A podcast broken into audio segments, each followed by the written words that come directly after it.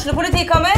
Ine Jansen er purk. Er du purk? The motherfucking bitch. Alt jeg vil, er å finne ut hva som skjedde med mannen min. Jon Carew. Er jeg sikta for noe? Iben Akeli. Det er du. Ole So, Lars Berrum og Big Daddy Karsten. Hvem sin side er du på, egentlig? Anette Hoff, Tone Danielsen, Kommer du fra Afrika? Jørnis Josef, Nesten. Kløfta. Trond Espen Seim, Det er synd å si det, men det var feil mann som døde. Purk. Premiere tirsdag på TV2 Play. SA-podden presenteres av Fleksi. Regnskap med et smil.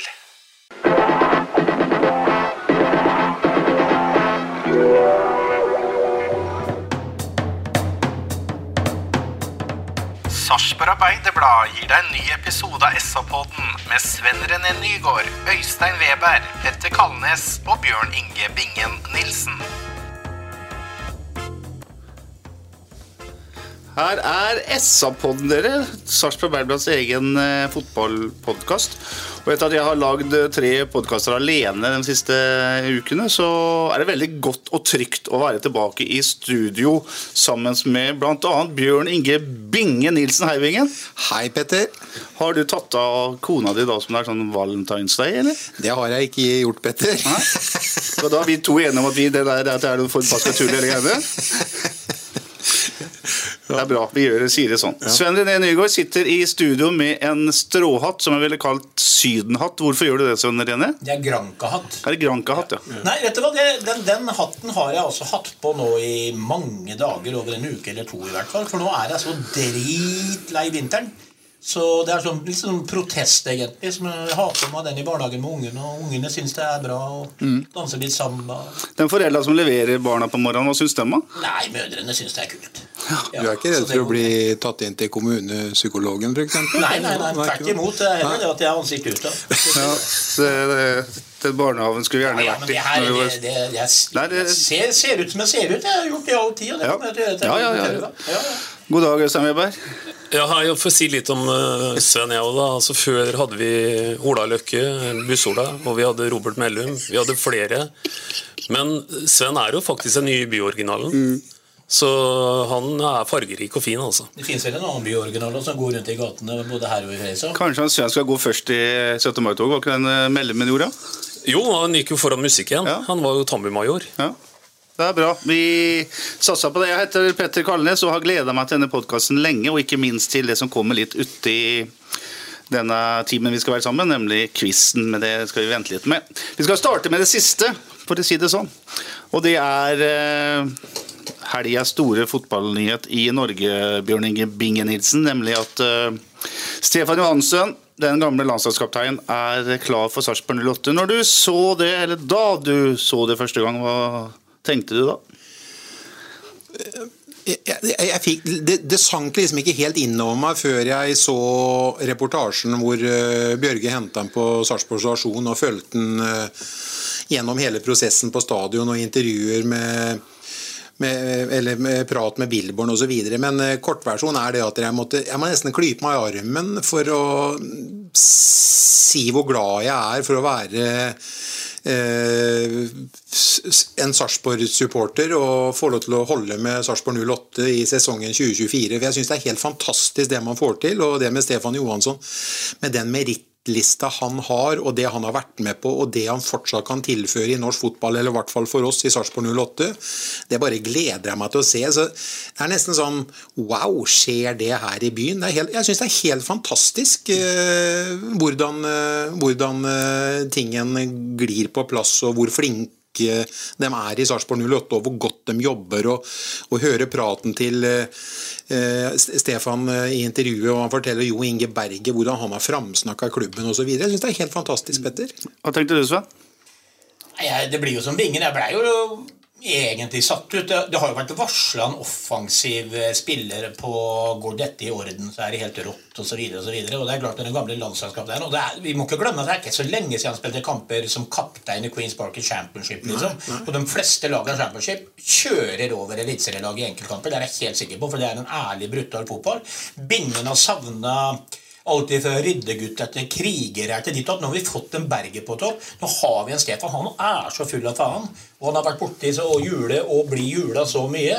Han er Altså, altså Berget blir jo kanskje kaptein, det har vel egentlig stått litt i korta, men fytte helsefy for den visekaptein de kommer til å få. Det går ikke an å ha bedre kaptein og visekaptein, for dem to må jo dele på de her valgene der, blant annet. Og så Så har- det blir helt rått. Og når det gjelder det å få til slemme folk, så jeg snakke mer om etterpå, men Aymar Shero, han, eh, han takler på høylys dag. altså det er... eh, Men det skal vi snakke om etterpå. Men bare fullføre litt, det, det som er jeg, har ikke sett Stefan så mye i det siste, men, men, men jeg husker jo mye og har sett litt. Og det her venstre beinet hans, når han altså crosser og et overblikk og stikker pasninger, ett touch, orientert av mottar ball, og så rett inn i Billborn-fotballen. Og hvis han får skeipa opp kroppen skikkelig nå Kjære store alpakka, vi snakka alltid om det offensive beste laget før han kom. Nå er det ikke mange lag som skal måle seg med 0-8 fra midten og framover. Er du like lyrisk, eh, du som er en eh, jordnær mann fra Vetatoppen? Ja, med føttene på bakken og alt det der. Vet du hva, Jeg har en litt annen inngang på det. Jeg lurer på hvorfor en Jo Inge Berge og en Stefan Johansen velger eh, Sarpsborg. Og jeg tror det svaret har jeg. Det er et utrolig kult prosjekt. Det er mye kulere å ta en medalje med Sarpsborg enn det er å vinne gull med en favoritt, tenker jeg. på en måte. Det er noe med, med hierarki og hele greiene.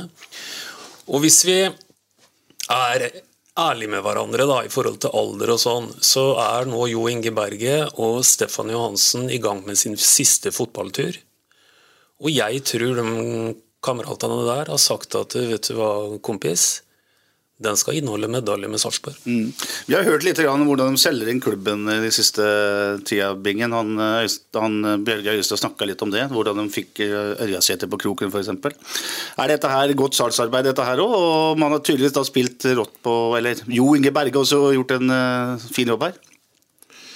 Ja, fantastisk, men du hører jo i intervjuet med Jo Inge Berge som er pod, altså, mm. Eller Jo Inge Berge fra, fra Marbella. eh, Du hører med intervjuet med Stefan Johansen så hører du at der, det blir lagt fram på en måte at alle hører Det handler ikke om nattklubber og uteliv, for å si det sånn. Det handler om eh, det handler om eh, trenerteam, måten man spiller fotball på. Det handler om eh, støttegruppe. Det handler om materialforvaltere. Det handler om dem som jobber i, administrasjon. Så det handler om totalpakka de får med å komme til Sarpsborg 08. Og jeg kan, få, jeg, jeg kan nesten ikke få satt mer pris på det enn det jeg sier nå. Jeg blir nesten så glad. Altså jeg blir helt sånn ah, Du får den varmen i brystet når du var forelska når du var ung. Så får du den der, Når folk prater så positivt om klubben din, og når det er så mange som er med på det, bidrar til at gode spillere kommer til klubben ja, da, jeg, tar- jeg tar av meg hatten, rett og slett. Det er bare fotball og damer som gir oss den eh, følelsen her, ja. ja, men jeg, ja, ja, men jeg må jo si det at det her varmer hjertet, da. Ja, helt- å helt høre det. Den framsnakkinga som de, de, gjør om, eh, som de gjør om så mange. Og så er vi inne på det, Øystein, Du snakker om Billborn eh, og liksom trua på det. Men sånn, det virker jo som det der eh, prosjektet der, den måten de spiller fotball på er, og Når de får en spiller på tomannshånd og forteller hva de egentlig tenker på, så virker det veldig forlokkende. Altså, når man er fotballspiller, så er jo altså Alle som blir fotballspillere, ønsker i utgangspunktet å spille en fotball som er morsom. Det er jo, det er jo derfor, derfor man begynner, og det man holder på med. Og jeg er helt sikker på at type Stefan og Ørjasæter og sånn, de vet jo hvordan vi spiller fotball. Det er underholdning. De får kjeft hvis ikke de prøver, istedenfor de får kjeft for at de prøvde på noe vanskelig, osv., osv., osv. Lokker jo ekstremt. Og, og, og jeg tror at vi får disse spillerne eh, på kroken grunnet hvordan de spiller fotball. Grunnet hvordan trenerteamet fremstår. Selvfølgelig den jobben han Bjørge Hampus gjør. Altså Det virker så gjennomprofesjonelt, gjennomtenkt, kult prosjekt som han snakker om. Og da velger du Sarpsborg 08. Og så må, må vi jo si at det er Sarpsborg 08 Det er jo blitt en tung klubb i norsk fotball etter hvert. Vi har jo røkker jo aldri ned, og vi henter spillere og selger dem for store summer. Coventry henta han eh, Victor Torp osv. Så, videre, og så, videre. så vi har fått et ordentlig navn på oss i tillegg. Og når du sper på med det jeg sa først der, selvfølgelig vil folk spille for 08. Vi hører eh, trenere fortelle at de får spillere tildelt eh, av en sportssjef, Øystein, at eh, de knapt nok vet hvem han er. Her er litt motsatt. Her bruker man eh, Billborn og Bjørklund eh, ganske rått i kall det innsalgsperioden her. Ja, men sånn tenker jeg det må være. Altså, det, er, det er en riktig måte å tilnærme seg det på, tenker jeg. At, at det er en, et veldig tett uh, samarbeid der og en tett dialog om uh, hva en trenger. Men uh, igjen, dette er i ferd med å utvikle seg til et kult prosjekt. og jeg tror at det først og fremst er kult pga. det at vi er ikke mette på suksess eller noe sånt i denne byen her. Vi har aldri hatt noe særlig suksess. Du vet når Rosenborg drev og vant 13 gull og videre i den perioden der, så, så, så slutta de til og med å feire gullet. De, de vant jo det sju serierunder før slutt, og de glemte jo at vi ble seriemester den helga her. Eh, her ville det jo blitt fakkeltog for en bronsemedalje, naturligvis. Og, og, og, Det gjør også at dette her er litt kulere enn å liksom henge på noe hvor du har et mett publikum. Eh, så jeg tror at eh, det korte svaret på at vi tiltrekker oss i hvert fall de to nevnte eh, guttene der, Johansen og, og Berge, det er at det er noe av det kuleste de ser for seg i norsk mm. fotball akkurat nå. Mm. Vi må for øvrig lære oss at Berget heter Berget, Berget ja. og ikke Og så lærer vi også at han heter Johansen. Ja. Stefan. Ja, du hadde Johansson i skjønner du. Ja. Han hoppa ski, han. Hør ni røkerne, Johansson? Var ikke det han sa? Bingen, eh, du forteller litt hva det gjør med deg som supporter og podkastekspert. Men hva du tror du det gjør med hele organisasjonen at de ser at de får to sånne meritterte spillere på kroken som Berget og Johansen? Stolthet. Mm.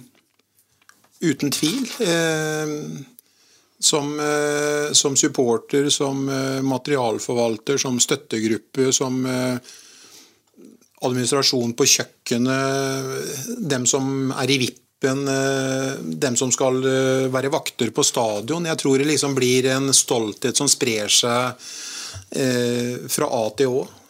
Og så er det noe med å lytte på hvem som gir klubben toppreferanser. For uh, det er jo helt riktig som Bingen sier, at uh, at uh, her gir en utrolig mye kred til klubben og, og alt det rundt det her. Men, men, vi får kred av folk som har vært her og reiser utover, som ikke skal tilbake hit. De burde ikke ha gitt et sånt skussmål når de forsvinner, sist nå Maigård, mm. men også andre.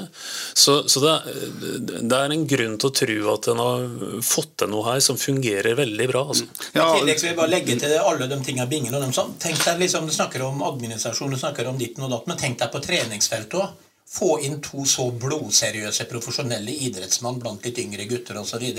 Altså Når det gjelder Stefan årets spiller i Skottland. Det er Celtic, det er Fulham, det er ditt og datt. Spilt med stjerne de luxe. Og vet akkurat hva som skal til. Å, herregud, jeg blir for gåsehud. Ja, og hvis han, være, hvis han, er noe i nærheten av det Jo Inge Berget har vært så langt, så er jo altså, Han snakker om å lede ved eksempel, ikke sant? Men huser ikke, huset ikke han eh, Stefan jo, jo, jo, jo, med kapteinspinnet på Ullevål?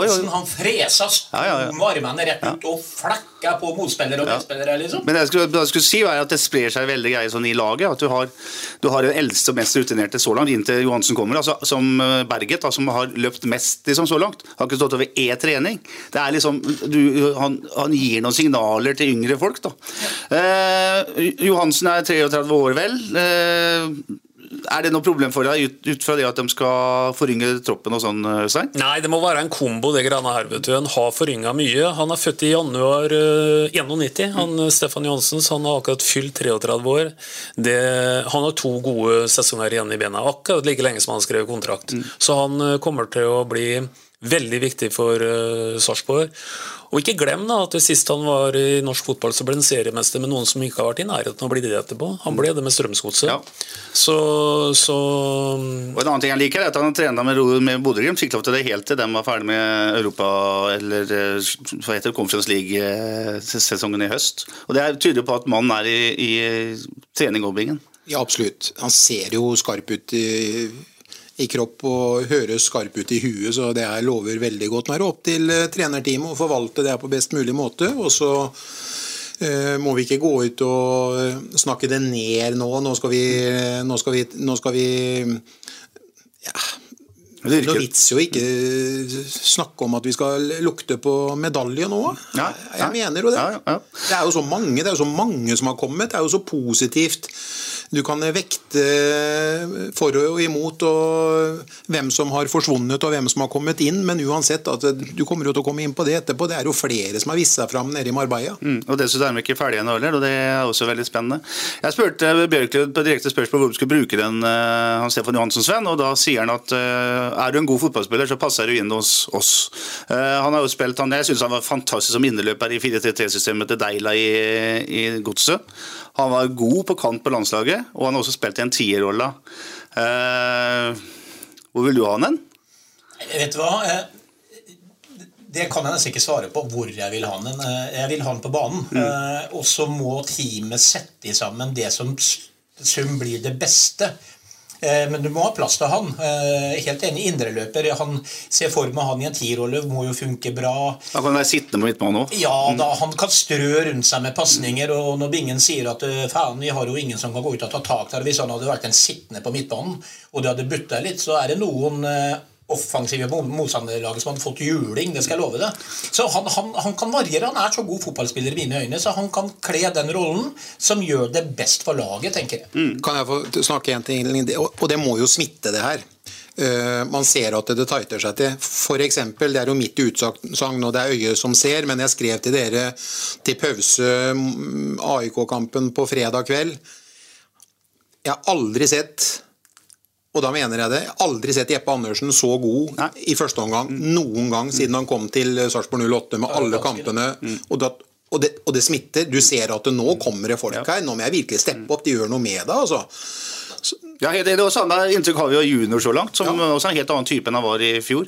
Og så har jeg nevnt Aymar Scheer, som dere kommer til å elske når dere ser ham litt mer i, på, på live. En herlig fotballspiller altså, som eh, har teknikk og, og pasningsstyrke og alt det der, men også, er det ordentlig harding. Det, han skulle vært ute etter kvarter mot Ja, ja, bare eh, ikke det blir for Hammarby. dum- bare ikke han blir for dum, bare ikke han blir for dum. Men eh, poenget mitt er at det er litt, annen, eh, litt andre elementer i det laget. Men vi gir oss ikke helt med, med Stefan Johansen, for eh, vi kan snakke om det han sjøl sier. da, Han sier at eh, han ser et veldig talentfullt lag.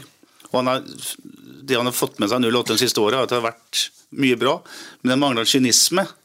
Og Det er jo kanskje det, nesten det aller viktigste han kan komme og bidra med. Ja, helt eh, enig. For øvrig, Hvis du spurte om hvor du ville plassere han, jeg vil definitivt han mest mulig sentralt i banen. Jeg syns en av Stefan Johansens eh, absolutt beste egenskaper er det, det litt sånn eh, Hva var det Nils Arne Eggen kalla øya til Odd Iversen? Eh, flueøyer, ja. ja. Litt sånn. At han, han er veldig god til å orientere seg. Jeg tror en sekser eller en tier, for å kalle det det, da, det er, det er Stefan Johansens plass i, i 08. Nei, det er klart at det, Kynisme henger jo sammen med det vi titter i resultatbøkene og ser at vi har sluppet inn godt og vel 100 mål på to sesonger. Det kan vi jo ikke fortsette med. Eh, og så er jo spørsmålet eh, hvordan vi, vi unngår det. For det mest selvskrevne som det kanskje har skrevet i SA i år, er at eh, Stefan Bilborn ønsker å redusere det tallet til 30 mål. Det gjør jeg òg. Men, men det er veien dit som er kunsten. Så, så i, i det så ligger jo at en må at en må utvise en større kynisme, for vi er nødt til. Og, for nå, nå er det jo som Bingen sier, at vi, vi må nå i februar her kunne snakke om at vi, vi skal ikke overleve, vi, vi har andre ambisjoner enn det.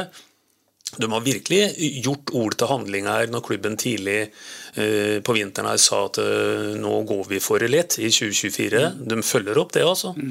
Og da må en, da må en eh, selvsagt eh, Ingen tar medalje med 50 innslupne mål, det skjønner alle. Mm.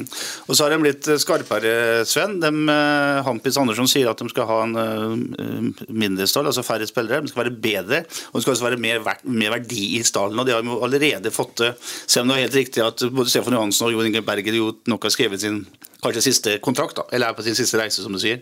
Men Sven, eh, det kommer folk inn ganske sent her. De har begynt å trene. Så kommer, eh, blir det klart med Berget, og så blir det klart med Stefan Johansen. og så snakkes man om en midtstopper, og kan kanskje snakke om enda mer. Eh, Ørjasæter har kommet inn og satt trøkk på kantspillerne. Hva gjør dette med konkurransesituasjonen? Og Eirik Vikne kom sent inn, ikke sant? Ja, nei, det, det er jo helt nydelig. Det, det, altså, hvis ikke det er en sterk eh, konkurranse Bingen var jo inne på dette rundt i Jeppe. eh, At han kanskje merker at det blåser litt rundt i huet på noen, og at andre kan ta plassen hans, og så stepper han opp. Det gjelder jo alle. Eh, Hvis et lag ikke har konkurranse på alle plasser som er tight, så blir det jo ikke noe topplag. Hvis folk flyr der ute trygge, så blir det altfor mye poengtap. Så det her er bare vinn-vinn. Men det som er så spennende nå, er at jeg synes liksom at hvis man tar ut en elver, så ser den blodskarp ut nå allerede. Eh, men hvis du må bytte ut en del av dem, så er den fortsatt blodskarp. liksom. Det er liksom ikke sånn at du bytter deg så ekstremt ned på mange plasser. Så altså, ja. det, blir jo, det blir jo nesten slitsomt, det, men, men, men det ser jo så unektelig spennende ut. og Vi snakka om det forrige gang. Det har aldri vært mer positiv til et Sarpe-fotballag i hele min levetid, og jeg har akkurat fylt 59. Ja. Det er én ting, eh, Bingen, da, som vi også må inn på når vi snakker og legger lista så høyt som eh, vi legger den. Og, og da vet jo vi som ikke har helt, eh, helt bare glemt alt her, at uten en Vasiutin i 2018 f.eks., så hadde det ikke blitt noe europacupeventyr. Det skjønner alle som var og så den sesongen der. Eh, Det betyr at for at vi skal ta det ordentlige steget her, så trenger vi en, ikke bare en god keeper, men en matchvinner i mål.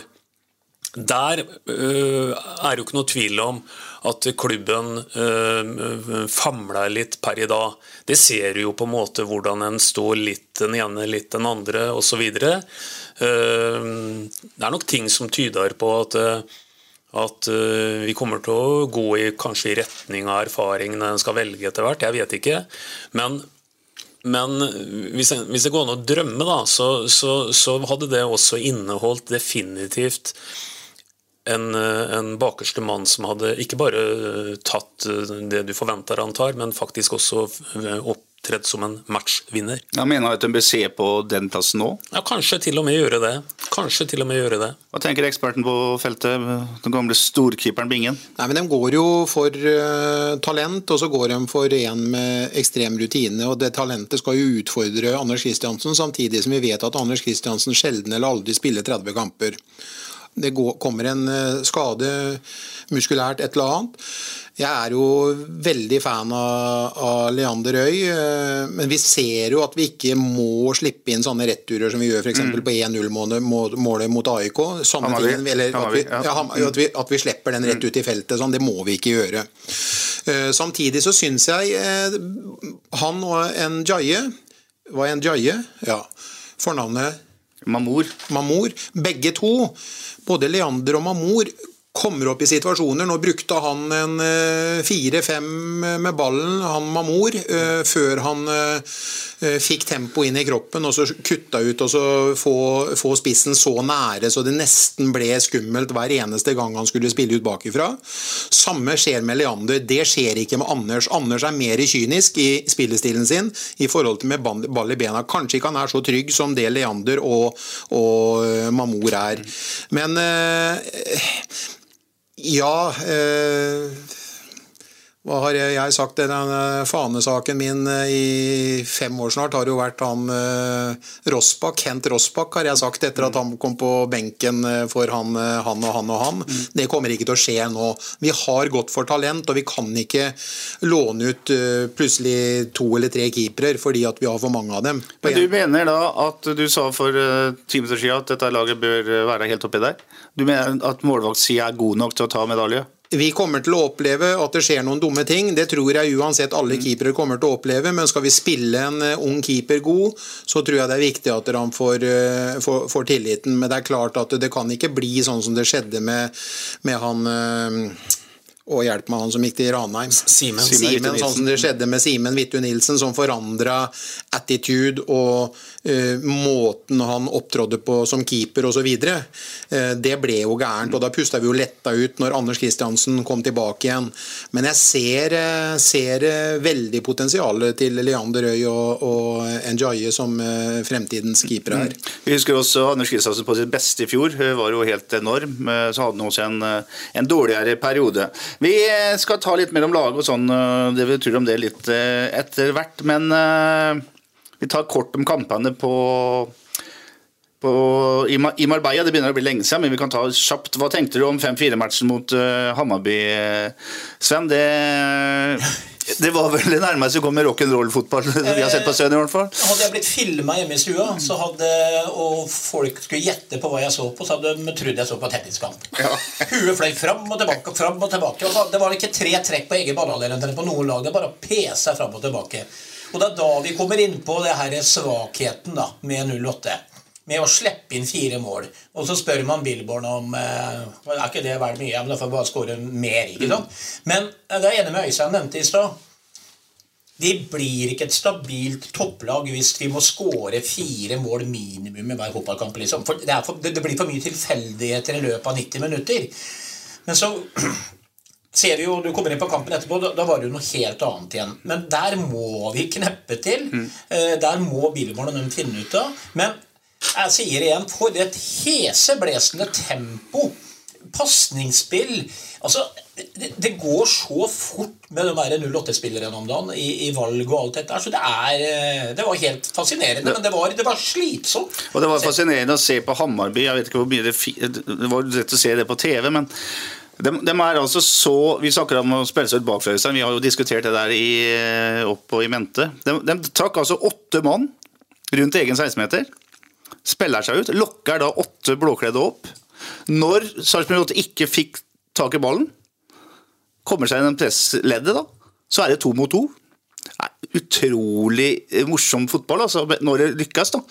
Eh, altså, den, den spiller åtte mot åtte på 50 meter fra eget mål. Kommer de seg gjennom der, så er det to spisser til Hammarby mot to, 50% kjørt på to skole- Ja, utrolig interessant. Men det så jo helt Jeg syns jo det så jeg, jeg, det- å holde på sånn som keeperen gjorde der, og så ta femmeter eksempel, og spille tilbake er eh, og, ta, og, ta, og, ta til, og så slå den tilbake igjen til egen dørlinje hvor, hvor stopperen trekker ned, f.eks. Mm. Det syns jeg er eh, veldig spesielt å Ja, se på. At de på liv og død skal spille seg ut sånn. De kommer jo til å brenne 15 bakover enn pga. å holde på sånn som Men hver gang de lyktes, så var det altså målsjanse. Og da kommer vi tilbake til det jeg har vært opptatt av, Sven, nemlig at uh, midtstopperne til Sarpsborg 8, da, i dette tilfellet Tebo og uh, Skipper, blir satt uh, veldig i en sånn derre mann mot mann-situasjon. Ja, isolert mann mot mann-situasjon. og Det er jo utrolig ubehagelig eh, for, for forsvarsspillere å ikke på en måte være i overtall. Men eh, det er klart at dere, hvis Hammarby også skal spille den fotball der i svensk, tar ikke de gull heller, altså. Nei, men de gjør det foran 40 000 på hjemmebane, og det Ja er da, kult, ja ikke sant? Det er kult, men, men det er liksom det, det, det, det er liksom til en grens hvor naive man skal være, tenker jeg. For det er et motstanderlag som vet at de skal gjøre dette her òg. Og det er jo Guds løkke at ikke 08 skåra en haug mål til pga. at de arresterte dem noen ganger og hadde dårlige avslutninger, blant annet. Og jeg synes jo Det store bildet i de to kampene der er at vi er bedre fotballag enn vi møter. Og, og så kan en jo kanskje, for å helle litt kaldt vann i blåårene på det, eh, si at eh, kanskje vi nå også forstår hvorfor svensk liga er rangert en del under norsk eliteserie. For det er klart at det er en by som ligger 17 km herfra, som slår Elfsborg 3-0. Du har Bodø-Glimt som eh, Ja, den kampen der så jeg, Malmö FF var ikke i ikke nærheten. nærheten og taper 4-0 for Bodø-Glimt. Men det er påstått at hadde spilt med juniorlag gjennom Ja, ja, og uansett da. Ja, det så, så det er et slags mønster her om at, eh, at en kan kanskje også stille spørsmål om hvor, eh, hvor eh, gode lag det er da. Jeg må si jeg ble litt sånn overrasket når den debatten begynte å gå om at svensk fotball lå faktisk ikke bare litt, men betydelig etter på eliteserienivå. Men Billborn har egentlig sagt det hele tiden og bør ha forståelseskunnskap Ja, men Da det. sier jo Berntsen at individuelle ferdigheter i spiller for spillere i Sverige er eh, mye bedre enn det norske, men det er intensiteten av forskjell på det tror jeg ikke på. I Faen er ferdighetene i, i spillerne i Bodø-Glimt og i, i Molde og i, Ja, men i i 08, det 08 kan- Ja, i 08 og i, i perioder mot uh, spesielt kanskje AIK spilte vi det du kalte ball i hatt med dem. De hang ikke med i hele tatt. Vi må ikke begynne å fare med løgn. Altså. Nei, men at intensiteten er enda høyere norsk fotball enn i svensk, Ja. det ser vi med det blotte øyet når vi ser disse kampene. Ja. 5-4 mot uh, Hammarby. Uh, Peter Einartsen skåra det første. Sørensen spilte en knallkamp som høyrebekk. Meister Henrik fikk uh, det siste. Også da var Reinar, eller det andre. Reinartsen var også involvert i det. Anton Skipper hedda inn en corner. Sondre Ørjasæter skåra sitt første for 08 på et nydelig skudd. Og samme gjorde Martin Hoel Andersen, som for øvrig også ser veldig interessant ut. Han Ja, det er tidlig, men det var veldig moro å se, se hvordan eh, Martin eh, tok for seg de sjansene han fikk både mot uh, Hammarby og AIK. Mot AIK så var det, da var det betydelig bedre. og skal ikke si noe, men eh, Thomas Berntsen var ikke verdens smilende, blideste mann etter eh, 0-2 også. Det, det, skal jeg si. Nei, og da, da, så jeg nesten litt sånn lys i, i perioder. Da, da, da, gikk det liksom sånn plutselig opp for meg da vi var inne i de beste periodene mot AIK. Da begynte jeg å tenke på edelt metall osv. òg, for for vi, vi, kan liksom snakke om det, og, og, så kan vi diskutere realismen i det osv. Men uh, vi var i perioder klart bedre enn AIK. Men jeg må jo si det. Fantastisk med fredag kveld 20.00 og flomlys. Ja og noe godt i glasset. Ja, ja, ja. Vi takker regnet og, vi, og vi som skulle hatt en bankett eh, med, med Vidar Boje Hansen og sånn, vi fikk, ikke, fikk ikke den, for vi var på jobb. Ja. Jeg bare ta fram en situasjon fra den her eh, AIK-kampen der som, jeg bare digger, og som jeg ser for meg enda. Og jeg er helt enig med Øystein. For det første så det ut som, mer ut som en vanlig, normal fotballkamp eh, hvor det ikke var heseblesende i hytt og pine angrip helt Så ut som et defensivt godt lag også. Men han derre Mihalovic, eller hva ja. faen heter, ja. han derre kaptein til AIK mm. som er svær og sterk som et fjell Når han berger krøllene som en sånn papirkule og bare døtter ned som en liten rund ball ja. Da fikk du se hva som bor i den der bergekroppen. Det koka litt der. Han tok ja. kvelertak på den, og så eksploderte berget. Men han la den i bakken på, ja, det virka som han krølla den sammen. liksom. En annen detalj der som er, er Kanskje det er dumt å si, men eh, Arno Casas, da, den uh, spanske guttungen, for å si det sånn, som kommer fra juniorlaget til eh, Barcelona. Han kaster seg inn i den kampen der og feier det Saletros, liksom. Eh, det er litt kult med sånn engasjement. En som er langt unna laget og langt ifra har fått det oppholdet. Det gikk jo egentlig flere parallelle slåsskamper. Jeg fikk ja. Eh, nesten sånn déjà vu tilbake når Binge nå på byen i gode år. Ja. ja. Men eh, pga. damer som regel. Summa summarum, er vi fornøyd med matchene dere så fra Marbella? Fantastisk, fantastisk. Det er eh, Altså, den første kampen nå har vi vært igjennom, det var tenniskamp, men, eh, men vi, vi, vi, glemmer det der defensive der sånn, og så tar vi vare på defensivet mot AIK. så tar vi det offensive i begge de to kampene, så er dette i sum eh, Det har aldri vært så bra på den tida her av året noen gang. Petters quiz. 14 dager inn i februar så er resultatlista på årets quizkonkurranse den at uh, Bjørge Øyestad, Hampus Andersson og Louise Rogers Holte deler førsteplassen, mens herrene Veberg, Nygaard og Nilsen er på en delt fjerdeplass, hvis det går an å si det sånn. For uh, det var jo ingen tvil om at da jeg plukka ut uh, plukka vekk disse tre i studio og fikk inn Øyestad, Andersson og Rogers Holte, så ble det atskillig bedre kvalitet over nivået på svarene i quizen. Og så kan jo du også si at uh, Bjørg Øyestad også satt fast meg, Øystein, men det, eh, det bør ikke du si, for det, nå sa jeg det. Ja, ja, Vi skal snakke om uh, geografi. Og Dere fulgte ikke mye med på skolen, men dere har fulgt med på Sarpsborg 8-spillere siden uh, første opprykket i eller første sesongen i Eliteserien i 2011. Så har det vært mange utenlandske spillere her. Jeg har plukka ut fem av dem. Og Jeg vil rett og slett vite hvor uh, de ulike kommer fra. Og Dere er på lag, så dere kan diskutere litt. Men Vi starter med en av uh, de største salgssuksessene. 27 kamper, fire mål i sesongen 2019 og litt inn i 20. Han heter Ismaila Kolibali og kommer fra Den kan du ta, Sven.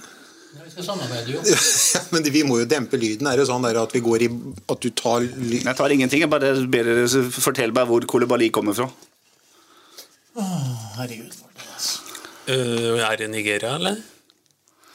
Et annet salgsobjekt kommer også fra samme land. Ble solgt noe senere. Skal jeg ta det, da? For ja, Senegal.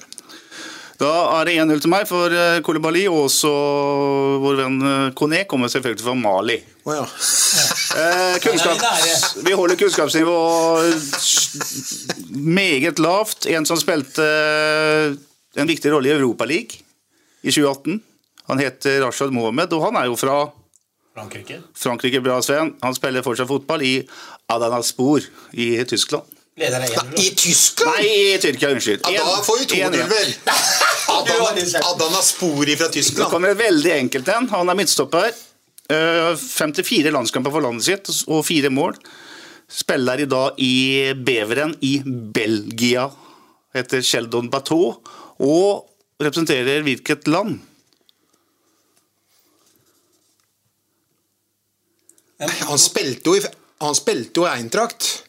Han spiller for han spiller, Hvilken Ja, ja, ja, men han, jeg, jeg, jeg, jeg blir så Hvem, hvem spiller Sheldon Bateau. Kan er midtstopper. jeg, trodde han var i Sarp, jeg. Ja. Han har vært i Sarp. Har vært i Sarp, selvfølgelig.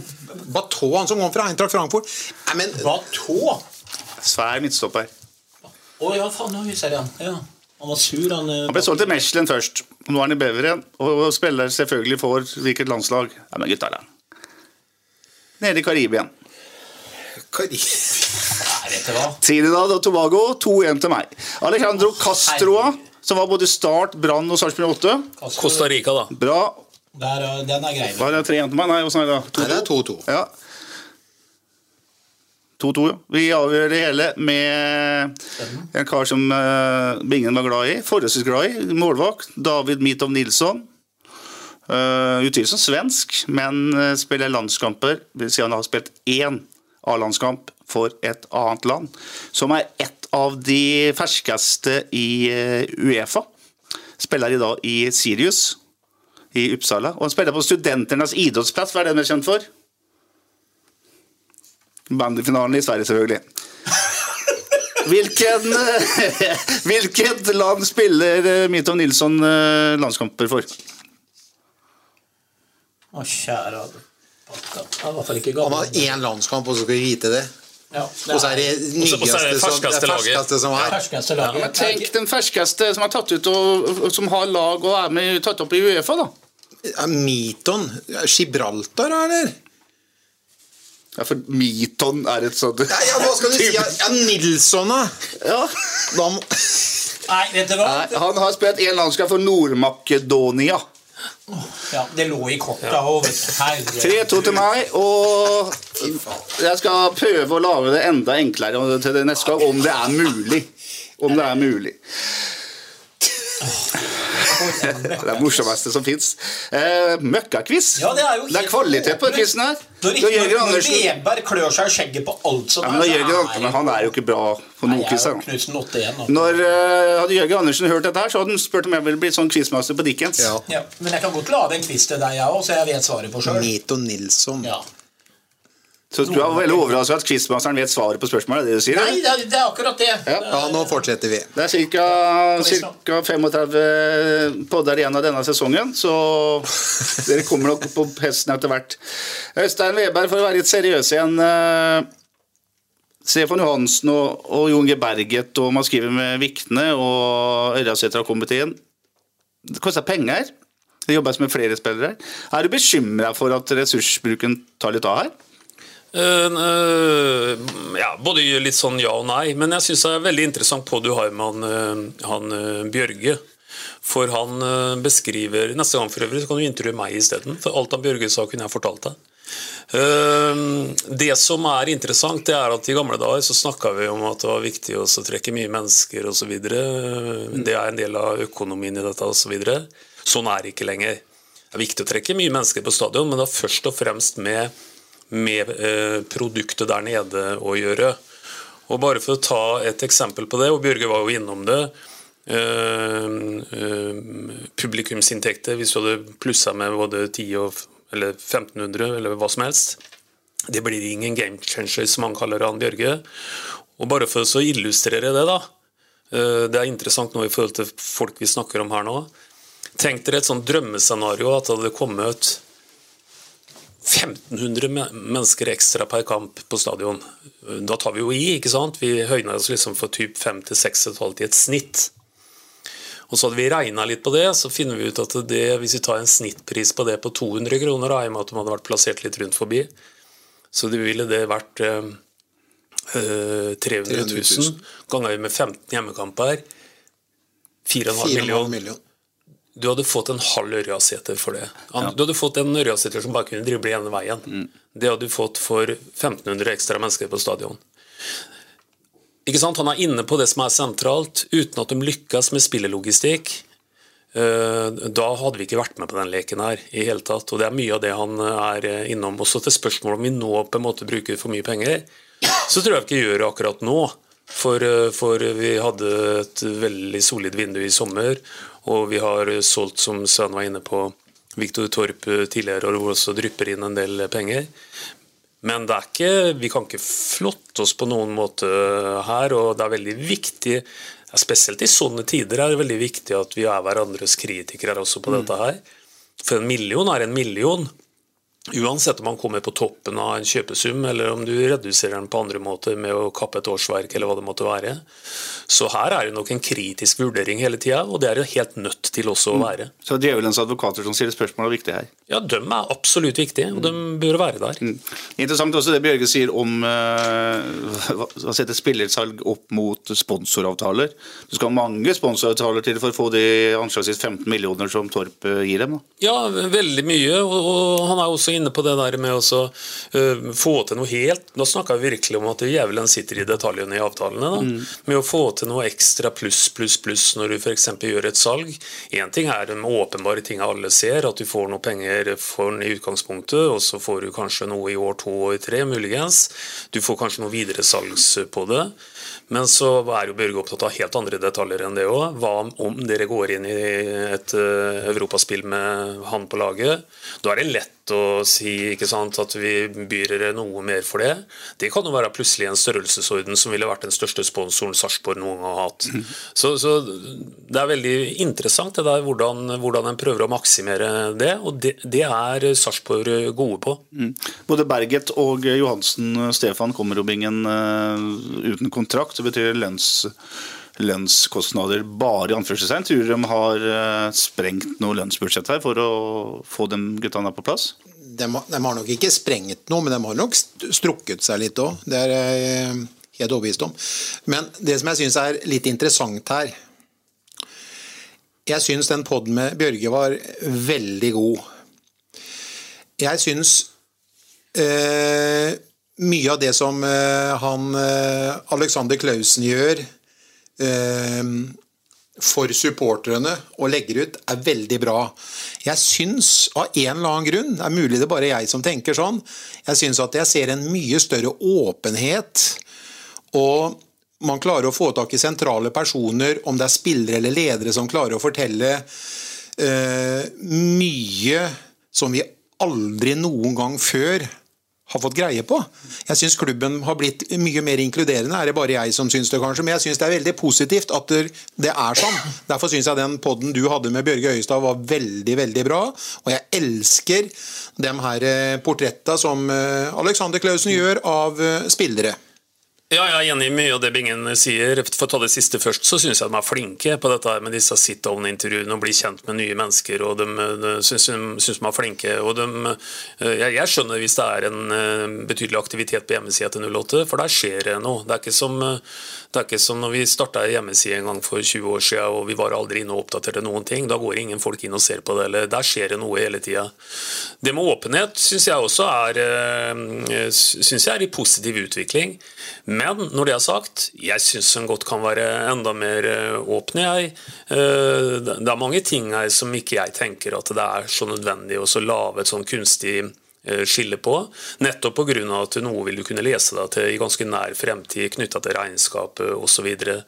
så jeg skjønner at en skal, at en skal holde korta veldig tett til brystet, eh, spesielt når en er i en fase ingenting er avklart, og, og også knytta til ting som er eh, kanskje personlige ting og alt det der. Skulle bare mangle.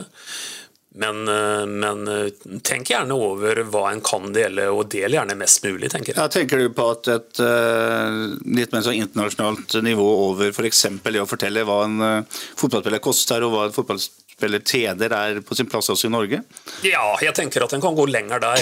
Du, du spurte Bjørge om noen noe, noe honorarer i 08, og jeg var litt mindre uh, lur etter å ha hørt den før du stilte spørsmålet. Ja, det var smart, Ja. smart svart han. Ja.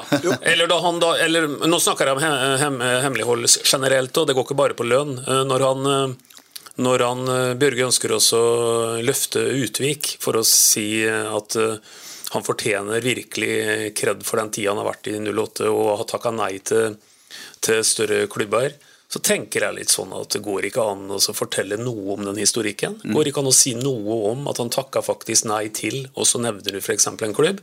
Det kan være et konkret eksempel hvor det er gode grunner til å ikke gjøre det, men det kan også hende at der eh, holder en det korte, tette brystet bare av litt gammel vane, tenker jeg. Mm. Hva tror du sånn type åpenhet eller mangel, eller eh, en bra åpenhet, for å si det sånn? prøvde jeg å si at det var noe positivt. Ja, ja, men det er det. det er, hva tror du det betyr, Sven, for supporterne? Det betyr ekstremt mye for supporterne, og jeg støtter veldig det Øystein sier der. i forhold til sånn så Hvis han går ut og indirekte sier at han har takka nei til store klubber før, og sånn, ja, nå er jo historien over. Så hvorfor ikke da fortelle han takka nei til Molde en gang, og til Bodø-Glimt? Liksom, det har jo ingenting å si. Det er bare det styrker jo han uansett. Hele saken blir jo styrka, spør du meg. Men tilbake til det spørsmålet med åpenheten. Det tror jeg er litt alfa og omega for at supporterne skal få et enda nærere forhold til det å gå på stadion og støtte guttene og liksom vite ennå, men det er ikke så skummelt å fortelle. Men jeg forstår at man ikke går ut med konkrete summer osv. Men det er vel heller ikke noe farlig å si at ja, Stefan kom, men som dere alle forstår, her måtte vi kanskje strekke oss litt lenger i lønninga f.eks. Altså, vi, vi vet det jo egentlig fra før av, og da tjener man mer, tenker jeg, på å være åpen om det. Og det er som jeg sier, fotballspillet i dag, i klubben, det er konkurransesituasjon. Du får det du har vært. Sånn er det, og sånn vil det bestandig være. Og det, det har fotballspillere lært seg Dette. Jeg er helt enig med dere i det. Jeg har heller aldri skjønt hvorfor Sarpsborg 08 aldri kan, når alle andre klubber gjør det, eller veldig mange andre klubber gjør det, så kan aldri Sarpsborg 08 fortelle hva de har eh, kjøpt en spiller for. De kjøper jo sjelden, men når de gjør det, hvorfor kan du ikke si det? Det har jeg aldri skjønt. Men jeg syns at det, det har snudd til noe bedre enn det det har vært. For at jeg følte, jeg har følt at klubben har vært veldig lokka for spesielt interesserte over en lang, lang, lang periode, men jeg syns det har skjedd noe det siste året som er veldig positivt. Tenker du det er bevisst, eller at det er tilfeldigheter? Skyldes det enkeltpersoner, tror du? Ja, enkeltpersoner. Jeg, må jo trekke fram Alexander Klausen, som gjør en eh, veldig flott jobb i privatmarkedet, som skaper en entusiasme. Folk har jo lyst til å eh, få greie på det indre liv, og du må ikke være på trening for å få greie på det indre liv hvis du kan gå inn på hjemmesiden til 08 for å se de her portrettene om, eh, med, med spillerne. Da. Og jeg syns det er veldig bra jo- jobba med, med klubben. Og så synes jeg, Nå er jeg helt sikker på at jeg får støtte av Bingen. Jeg syns jo absolutt at eh, Hampus Andersson tar åpenhet et, et steg videre fra forrige sportssjef i forhold til å forespeile litt hva vi har i vente. Snakke om eh, to offensive signeringer. eh, Snakke om litt sånn tidsaspekter på ting. Så kan det vel hende at det noen ganger er håp mer enn det er realiteter og alt det der. Men jeg syns det er sjarmerende, og jeg syns at han balanserer det ganske bra. Jeg synes det er jeg syns det er eh, spennende å høre på Hampus Andersson. Syns du det er befriende med en ny stemme? Jeg har hørt Berntsen i ikke, noe- Jeg, jeg syns jo ikke noe gærent om Berntsen, men jeg har hørt den i ti sesonger. Det, det er klart det er det. Og Berntsen han var jo elska og hata på sin måte her i Sarpsborg, tør jeg nesten å si. Og husker jo det hver gang jeg intervjua han utafor stadion, første runde, så var det i hvert fall topp seks. Det var jo aldri noen tvil om det. ikke sant? Så det, det, det gikk sånn men, men jeg stoler på Hampus på en litt annen måte, for jeg tror han snakker ut ifra hva han virkelig forventer, og ikke bare for å skru opp forventninger. Men jeg tror han mener at ting skal bli så jækla bra i år, og da stoler jeg litt på det. Men når Berntsen sa akkurat dette her med for Jeg husker jeg tok et eh, returspørsmål til Berntsen ene gangen altså når han sa at eh, vi skal minimum bli topp seks. Og da, da spurte jeg ja, hvorfor det? For det hadde jo ikke vært, og da, da slet han jo med en gang. ikke sant? Så det, gikk på sånn repeat der. Men det jeg hører fra Hampus og gjengen der nede nå det, Jeg jo kjøper den, og når jeg kjøper den, og Bingen kjøper den, som også har vært litt sånn negativ i forkant, så kjøper i hvert fall supporterne det. Og da blir det en giv. Og da kan bare si det nå, selv om Vevar sier at det ikke handler om tilskuere. Men folkens, dere som hører på podden, hvis ikke dere har kjøpt sesongkort, Gjør det nå. Støtt klubben. Og det kommer til å bli så mye underholdning på stadion at det blir dritmye verdt det sesongkortet. Kan du ta den, Øystein? Ja, jeg må nesten ta den, for jeg venta jo at det sånne unyanserte greier kommer. Selvsagt dreier det seg om tilskuere, ikke sant? Ja, men, men- men- i forhold til den store butikken, ja, den så er, er, er ikke butikken, det så viktig. det, Men herregud, hvor mye morsommere det er å gå på en fotballkamp. Skal det blåse en blå vind, så må vi ha Ja, folk på stadion. Ja, ja, selvfølgelig. Ja. Kjøp, Så løp og kjøp sesongkort! løp og kjøp for all del. Det er bra. En annen ting som er bra også, er eh, at en kar som eh, Jo Inge Berget er jo en fryd å intervjue. Legg merke merke til måten han svarer på, hvordan ser inn i kamera, hvordan er krystallklar. Det er, altså, det er ikke sånn at vi skal ta en kamp i dag, taget det der, Bingen. Det er en ordentlig, ordentlig kall. Bra. Det er Eh, sånne små detaljer. vet du, også I, i åpningsreplikken til eh, Stefan Johansen og kommer inn som en stjerne til Sarpsborg og, og blir intervjua av Alexander Klausen og tar seg tid til å si takk for hyggelige ord og sånn. ikke sant? Han trenger ikke å gjøre det. Han kan eh, være litt mer cocky enn det, men det kler han å, å være litt eh, ydmyk. og eh, det, Der syns jeg de er eh, gode, gode på det, rett og slett. Vi snakket litt om kynisme i stad. og Vi snakka om at Stefan Johansen kan bidra med det. Berget bidrar med det. Jeg har nevnt Aymar Scheer, som ikke så mange har sett uh, foreløpig.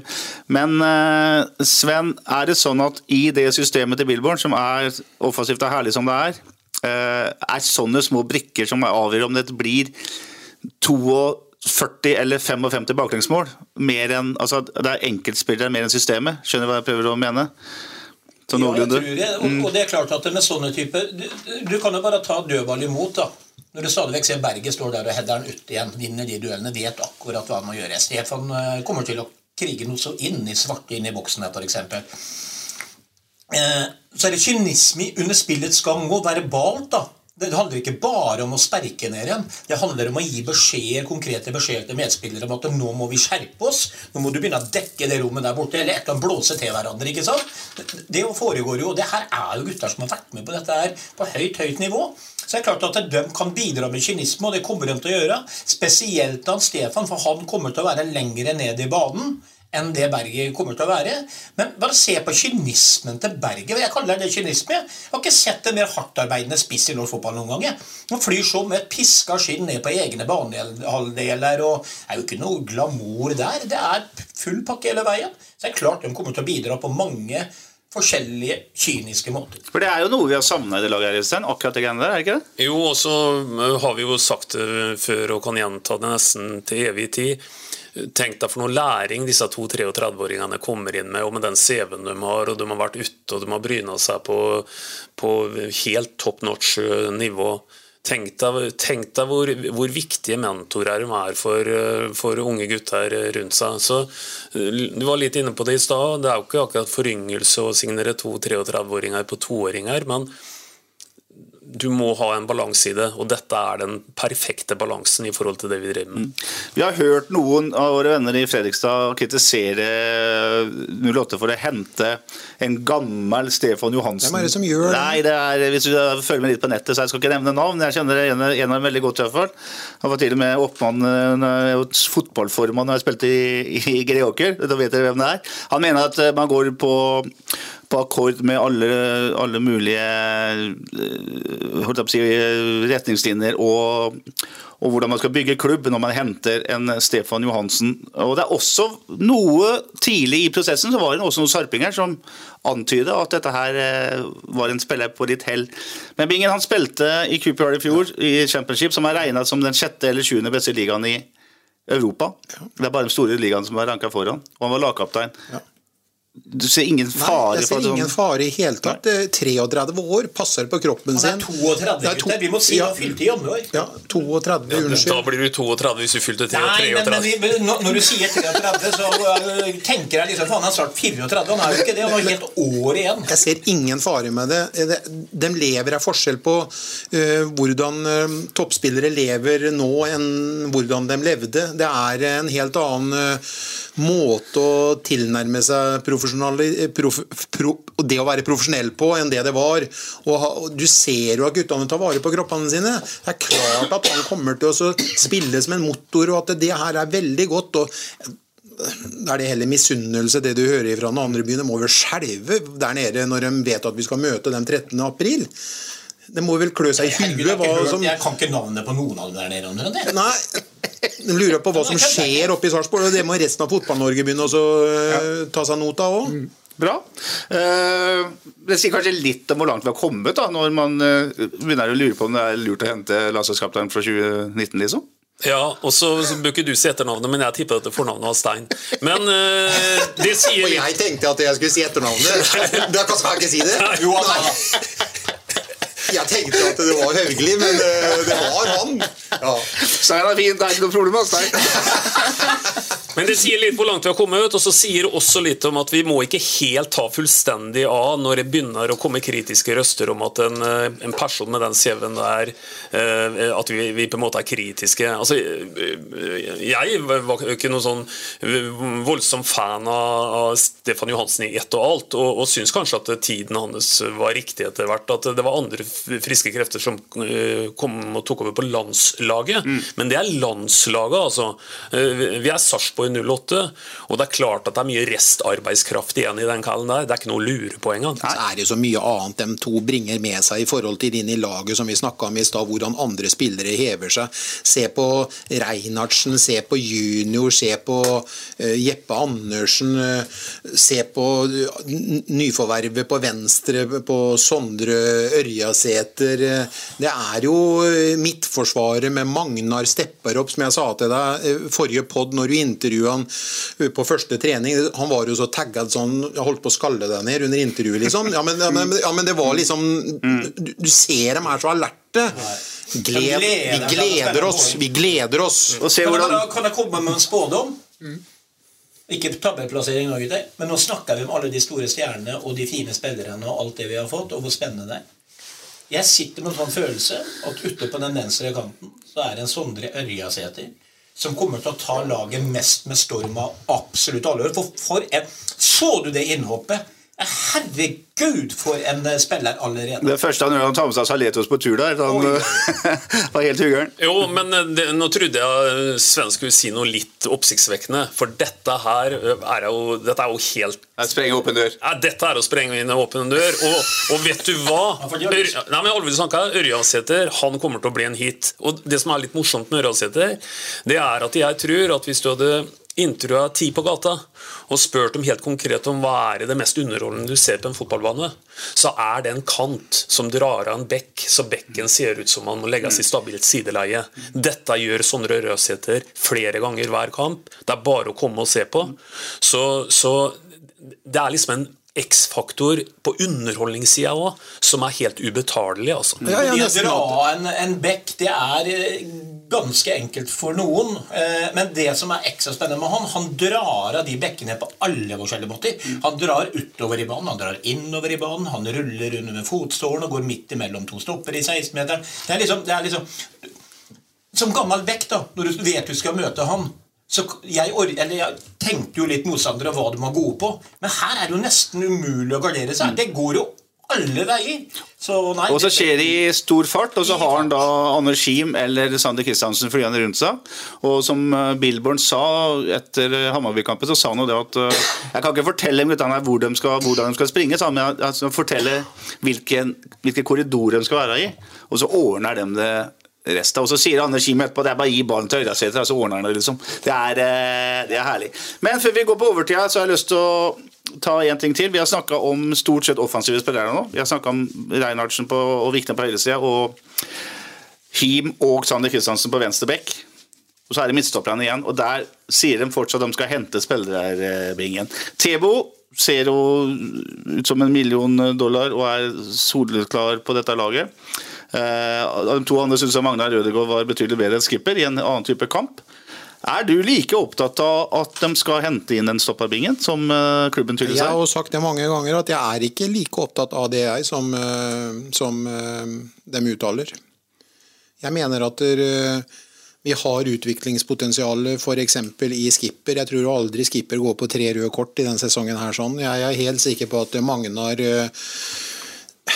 Vi må ikke glemme at Magnar faktisk ikke er mer enn 30 år og blir 31 år i mai måned. Vi må ikke glemme det at det er en enorm rutine og et enormt eh, fotballhode og vinnerskalle og fysikk i den kroppen der sånn som langt ifra er over, altså. Så jeg eh, vil si det med Vilinder eh, i tillegg til, så syns jeg det her, her Og Arna Casas. Altså, vi må vi, vi, må slippe, vi må slippe dem til, vi må la dem få mulighet, og så får vi tåle det at vi eh, slipper inn noen mål, men aller helst ikke mer enn 30. Da. Men da sier vi i edesettingen, Sven, at dette laget skal være helt oppe i toppen. Mm. Det tror vi på. Og så sier vi eh, eh, i neste setning at vi har den midtstopperne som vi har Mm. i Sarpsborg nå. Er du enig? Hvis klubben sier at de er- leter etter en klassestopper til, så sier jeg ja takk. Jeg, Eh, jeg, jeg, jeg, er ikke- sånn at jeg ikke tror at Magnar kan klare det, eller Skipper kan klare det, men jeg er fortsatt dette her med at dere, vi har et, en akilleshæl i Sarpsborg 08 under Billborn, og det er at vi slipper inn mye mål. Og det er ikke bare pga. forsvarsspillere eller keepere, det er- handler jo om systemet. Men Magnar og Skipper de kommer til å spille, men, men, men det kommer også til å komme noen skader. Og, og, og jeg må si det, og jeg er også fan av Leander Øy. Men skal vi bli et topplag, så må vi fortsette den offensive eksplosiviteten som vi har vist hittil. Men vi må også være tryggere bakover. Og et lag som tar gull, sølv eller bronse, har som regel gode spisser, kanter, midtbanespillere, backer, stoppere og keepere på høyt nivå. Hele linja. Så jeg har lyst til å le, gi Leander Øy ett eller to år til før han er den ekstremt store, fantastiske keeper. Han er allerede veldig god, hvis du hører på Leander. Ikke noe mot det. Men jeg heller litt mot det Veberg sa i stad. Har du en type keeper som går ut i feltet, som aldri slipper en ball omtrent, som redder litt umulige ting, og liksom er en klasse-klasse-klassekeeper, som du kommer til å bli, Leander Øy, blant annet, så er jeg litt usikker, hvis du forstår hvordan jeg tenker. Selv om jeg vet Leander kommer til å slå masse gode kamper, så er det dette med stabilitet, stabilitet. For skal du ta medalje, så må du ha stabilitet. Du får samme spørsmål du er ja takk fra deg til en ny stopper og Øystein? Ja, Får jeg like lang taletid som han eh, Sven? Du, du, Jeg sa det at du introa Bjørge, vet du, og så sa jeg det der podden kan du nesten ta med meg. Og så introa du hun, hun idrettspsykologen. Du kan ta det også med meg neste gang, for nå skal jeg bare ta en sånn psykologisk vinkling her, som, så jeg kan svare på de spørsmålene neste gang. Petter. Så hun Louise, Og Louise, har ikke ja. noe Nå- jobb lenger? Du tar over? Ja, nå er jeg Louise Weberg. Um, jeg tror, for å ta det med stopper, uh, i og med at Hampus går ut så tydelig og sier Litt uavhengig av, hva- jeg ønsker. Jeg tror den diskusjonen har kommet veldig langt internt. Uh, Når han går så tydelig ut og så sier at de leter også etter en stopper. uh, Feil eller riktig. For jeg tror Hampus og de andre tenker sånn at hvis det hadde vært 2-3-4% sannsynlighet for at vi i en ideell verden kunne tenkt oss det, da hadde det nesten ikke vært noe vits i å nevne det. For det er litt det du er inne på med henne i den podden. Du signaliserer jo for noen at de går en mer utrygg tilværelse i Mm. møte, ved Mm. at det varsles at det skal komme inn en konkurrent til. Jeg syns Hampus går langt i å signalisere at det kommer inn en konkurrent til i den podden. Og Skal jeg tolke han litt logisk da, så har hun kommet langt i den prosessen der, ellers så tror jeg ikke han hadde nevnt det. Det vil jeg si om den saken. Mm. Sa han som uh, klaga på kort taletid. Hva syns du om resonnementet til disse to kameratene? Bingen? Jo, jeg må høre podden først før jeg kan jeg må høre podden en gang først før jeg kan uttale meg om det. Det blir ikke samarbeid, vet du.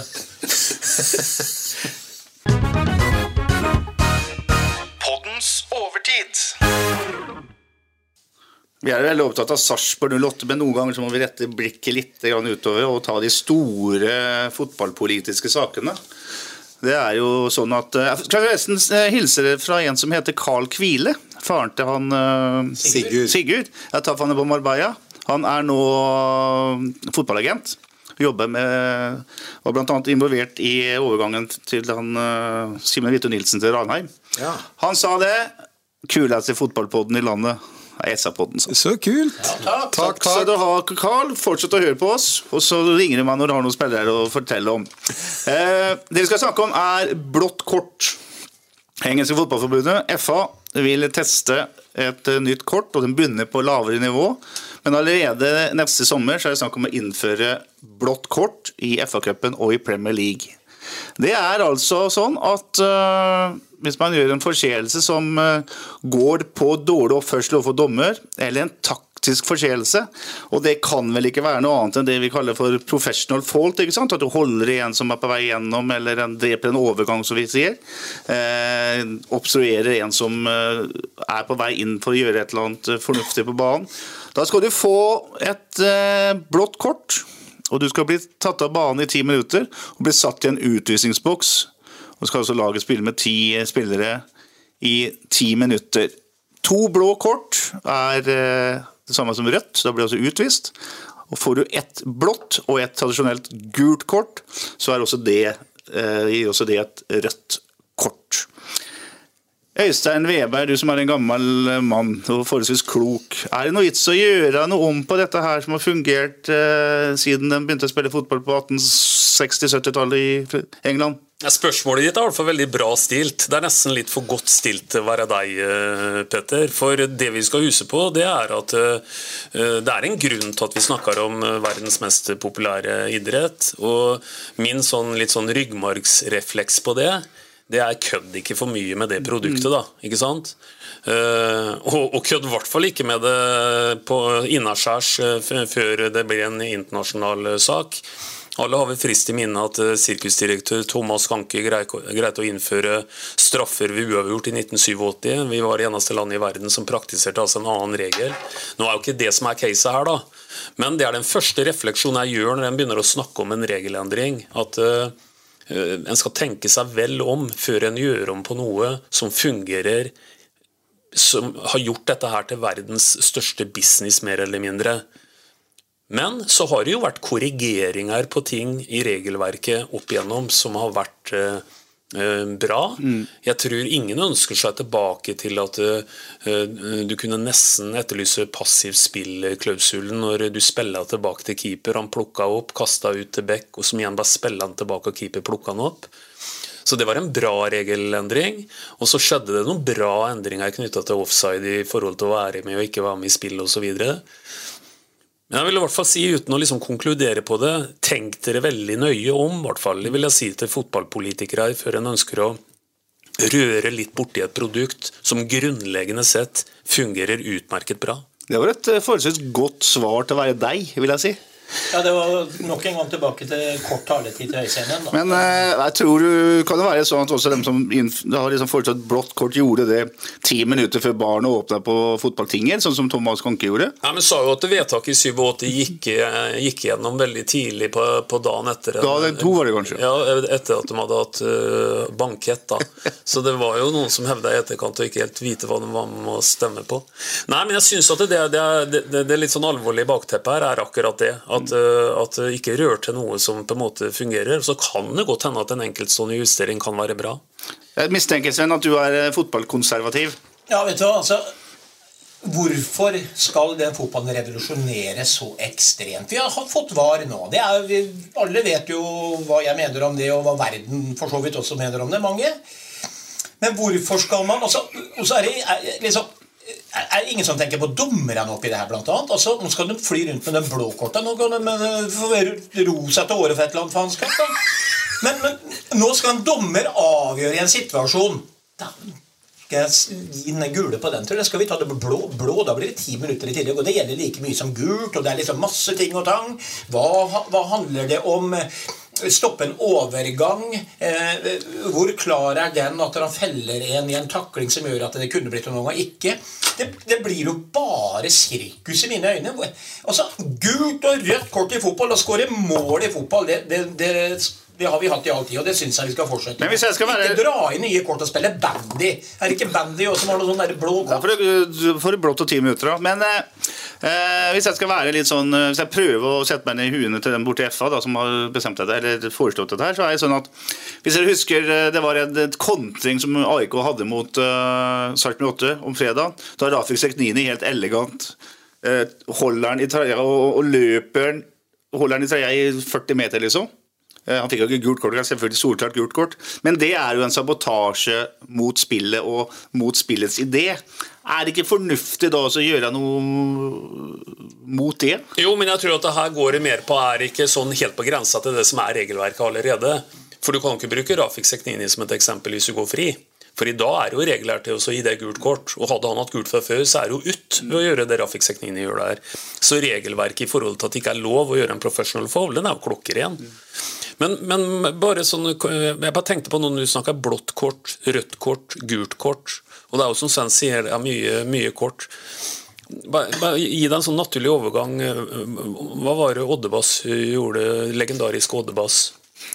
Nei, altså, ja, det er bra. Det, det er jo eneste vitsen jeg klarer å fortelle. Ja, derfor ga jeg, jeg klarer ikke noe. Men det Odd gjør, da, det er at han dømmer en kamp, og så har han ikke med seg kort. Men han røker. Så har han tobakkspakka i brystlomma. Rød miks? Rød miks, ja. Men den var gul, den som lå der. Ja, gul, og så liksom. er det en fryktelig takling på en avstand, og så stikker han bort til spilleren og så sier nå kan du være glad for at du ikke røyka rød miks. sier han. Så han fikk bare gul. Men uh, Biggen, du sparka du da det ble forbudt å spille tilbake til keeper? Jeg redda som regel straffen i straffekonkurransen, og ja, så satt jeg faktisk eh, som regel en avgjørende straffe, så vi fikk to poeng. Men du var målvakt når endringa om uh, tilbakespill kom, eller? Eh, tilbakes... Nei, jo, det måtte jeg lære meg oppe i Harstad, faktisk. Ja. Ja, det måtte jeg. Når du kom bak, ja. ja, det, stemmer. Men eh, jeg syns jo det her er eh, veldig tøft å pålegge dommerne det, skal jeg være helt ærlig. Jeg syns eh, det stiller så store krav til dommerstanden, eller dommere nå i dag. Og skal du begynne med det her, her i tillegg til, så syns jeg heller at de skal perfeksjonere det her med gult kortbruk enda bedre før, enda mer før de begynner med blå kort. Det er mitt korte svar. Altså, den Utvisningsgreier det er vel ikke noe med fotball å gjøre? Og så- blir det sånn, da, vet du. For, er- altså, tilbake til det forbannede var igjen. ikke sant? Fordi nå kommer det, da kommer det til å bli sånn at eh, vi får på øret da om eh, Diskutere gult og blått, og så sitter de nissene inne i bussen.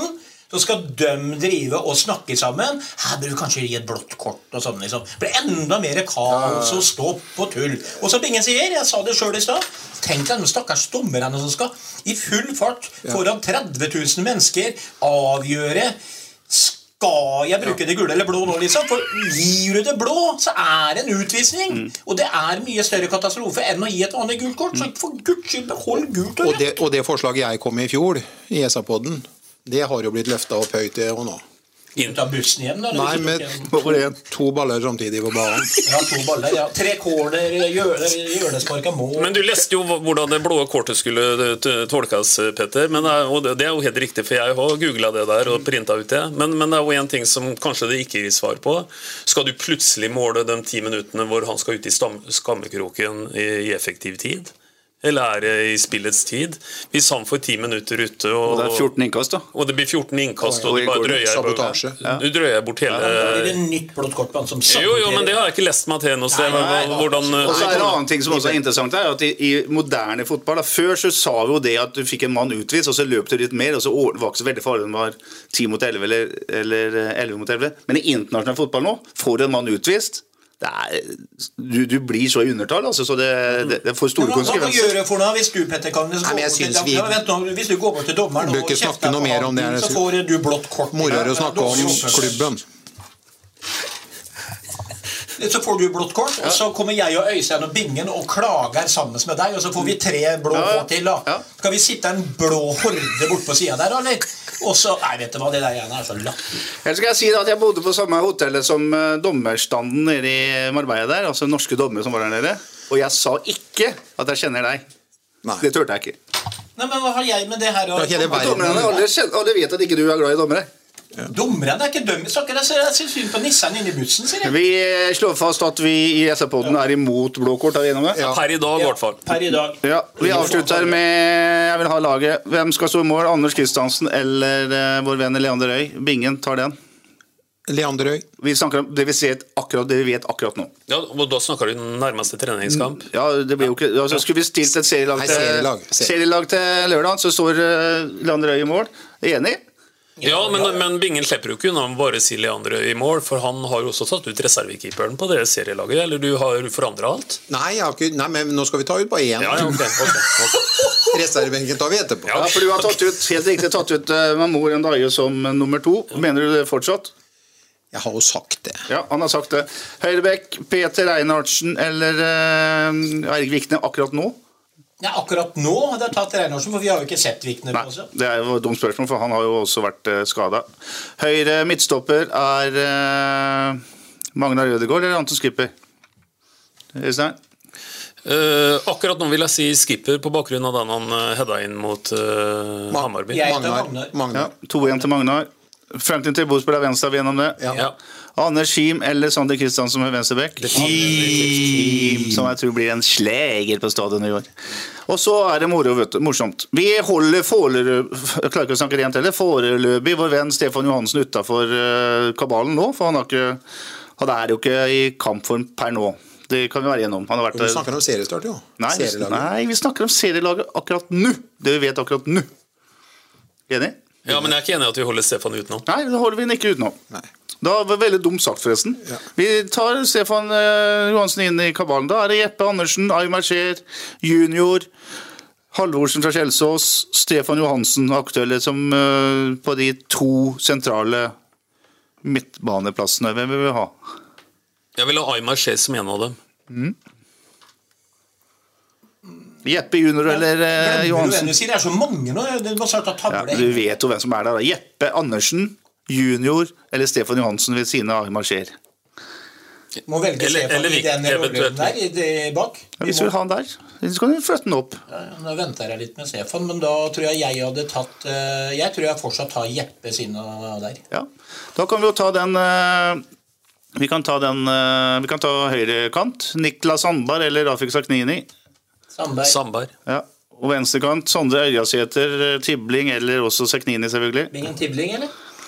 Nei, jeg tar Nei, Ørjasæter. jeg tar Ørjasæter. Ørjasæter, ja. Og så tar vi eh, den dype spissen. Tierrolla. Der er det altså sånn at du har uh, Tibling er aktuell. Du har Jo Inge Berge er aktuell, hvis Meister spiller spiss. Ikke sant? Du har Stefan Johansen som er aktuell.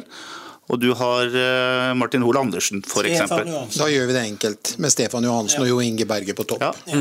Ja. Da blir altså Henrik Meister eh, på benken. Jo, men eh, han har godt av det, Ja, han. da, men han trenger å komme inn Han kan komme inn på flanken og skape fart. Han kan, kan, kan være en allrounder. Du har mange spillere i flere posisjoner her. Herlig. Men nå fikk vi en rimelig sterk benk her. Vi fikk en Viktor Halvorsen, vi fikk en junior. Vi fikk eh, skipper, vi fikk Tibling Seknini. Seknini og han eh, Meister. og Meister.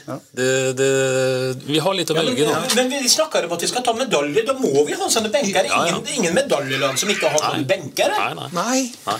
Jeg er enig i det. Det er jo sånn trangsynt.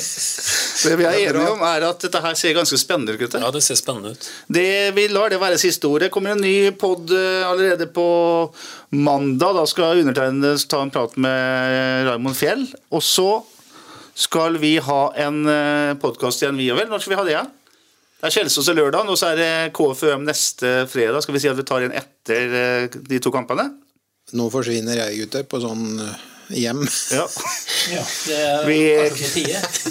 Og så kanskje han vært ute og diskutert, diskutert her før sending òg, men uh, vi sier at vi sannsynligvis er tilbake etter at Sarpsborg har møtt uh, Kjelsås på lørdag og KFUM neste fredag. Begge kampene ser du på SATV, og så kommer altså en, eh, liten sånn spesialpod på mandag ettermiddag.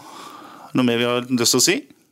Nei, men vi kan jo gjøre som normalt, gutter, og si at vi prekes. Prekas? Vi prekes. SA-podden presenteres av Fleksi. Regnskap med et smil. Ukens annonsør er HelloFresh. HelloFresh er verdens ledende matkasseleverandør og kan være redningen i en travel hverdag. Mange av oss har nok vandret i butikken både sultne og uten en plan for middagen, som ender med at vi går for de samme kjedelige rettene gang på gang. Middag burde være dagens høydepunkt. Som HelloFresh kan du nå velge mellom 25 ulike retter hver eneste uke, eller få HelloFresh til å sette sammen menyen for deg. Dette gir deg muligheten til å prøve nye og spennende retter alene eller sammen med familien. Du velger antall porsjoner og får alt levert på døren på et tidspunkt som passer for deg. Oppskriftene er enkle, og maten er lett å lage både for store og for små. Ved å få alt levert hjem får du også mer tid til å dele matgleden med familie og venner. Kanskje det frister med asiatiske tacos eller greskinspirert kylling? Da kan jeg anbefale deg om å gå inn på hellofresh.no. Her kan du bruke koden FOTBALL og få opptil 1779 kroner i rabatt på de første fem matkastene hvis du ikke har prøvd HelloFresh tidligere. Du kan også bruke rabatten hvis du har vært kunde og stoppet abonnementet ditt for tolv måneder siden eller lengre. Gå inn på hellofresh.no og bruk koden FOTBALL. Har du et enkeltpersonforetak eller en liten bedrift? Da er du sikkert lei av å høre meg snakke om hvor enkelt det er med kvitteringer og bilag i fiken, så vi eh, gir oss her, vi. Fordi vi liker enkelt. Fiken superenkelt regnskap.